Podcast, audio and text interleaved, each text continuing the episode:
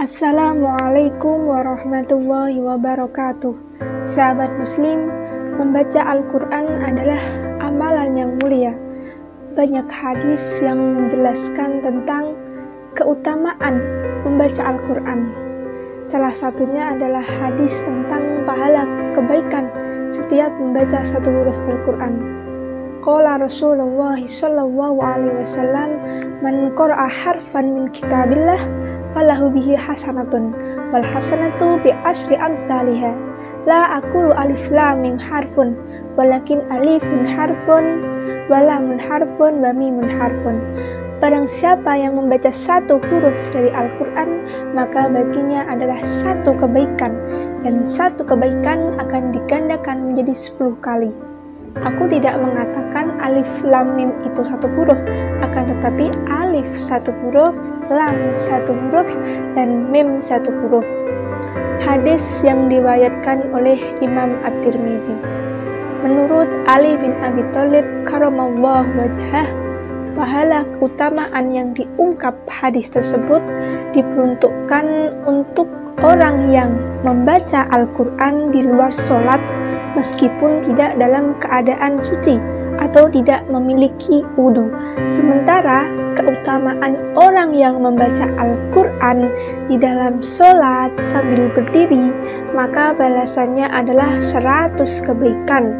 Sedangkan jika ia berada di luar sholat dan tidak memiliki wudhu atau tidak dalam keadaan suci, maka balasannya adalah 25 kebaikan.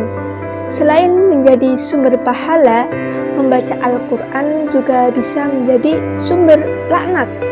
Anas bin Malik radhiyallahu an mengatakan bahwa banyak sekali orang yang membaca Al-Quran, namun Al-Quran sendiri melaknatnya.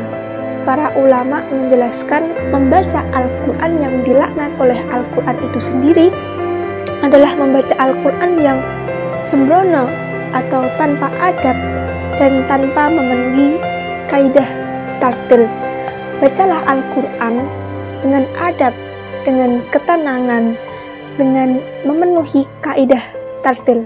Ibnu Abbas bahkan pernah berkata, satu surat yang aku baca dengan tartil lebih aku sukai daripada membaca seluruh Al-Quran tanpa tartil. Membaca dengan tartil itu bagaimana? Yaitu membaca Al-Quran secara perlahan dengan menetapi kaidah hukum tajwid yang jelas dan benar. Dengan begitu, sangat penting membaca Al-Quran dengan menetapi hukum tajwidnya. Sahibul Kitab Al-Jazariyah, Syekh Muhammad Al-Jazari mengatakan bahwa hukum menetapi kaidah tajwid dalam membaca Al-Quran adalah kewajiban. Barang siapa yang tidak memperbaiki bacaannya, maka ia akan berdosa. Seperti dalam syairnya, wal akhdhu bit tajwidi hajmul lazimu man lam yujawidi qurana asimu li annahu bihi ilahu anzala wa Kebanyakan dari kita, pemahaman tajwidnya mandek pada pembelajaran ahkamul huruf saja. Mentok di hukuman sukun dan tanwin, paling jauh ya sampai hukum mat. Padahal untuk bisa membaca Al-Quran dengan baik, benar, dan tepat, tidak cukup hanya dengan ahkamul huruf saja. Penting juga diperlukan hukum makhorijul huruf, sifat-sifat huruf, hukum mat dan koser, hukum wakof dan itidak, dan lebih sempurnanya paham hingga kaidah ilmu kiroat. Mari merenung, kira-kira sudah cukup baikkah bacaan Al-Quran kita hari ini? Jika masih kurang, kenapa tidak terus belajar? Jangan berhenti membaca Al-Quran, jangan berhenti mencoba memperbaiki bacaan Al-Quran, dan jangan berhenti untuk mengamalkan isi Al-Quran, karena sebaik-baiknya orang adalah yang belajar Al-Quran dan mengamalkannya.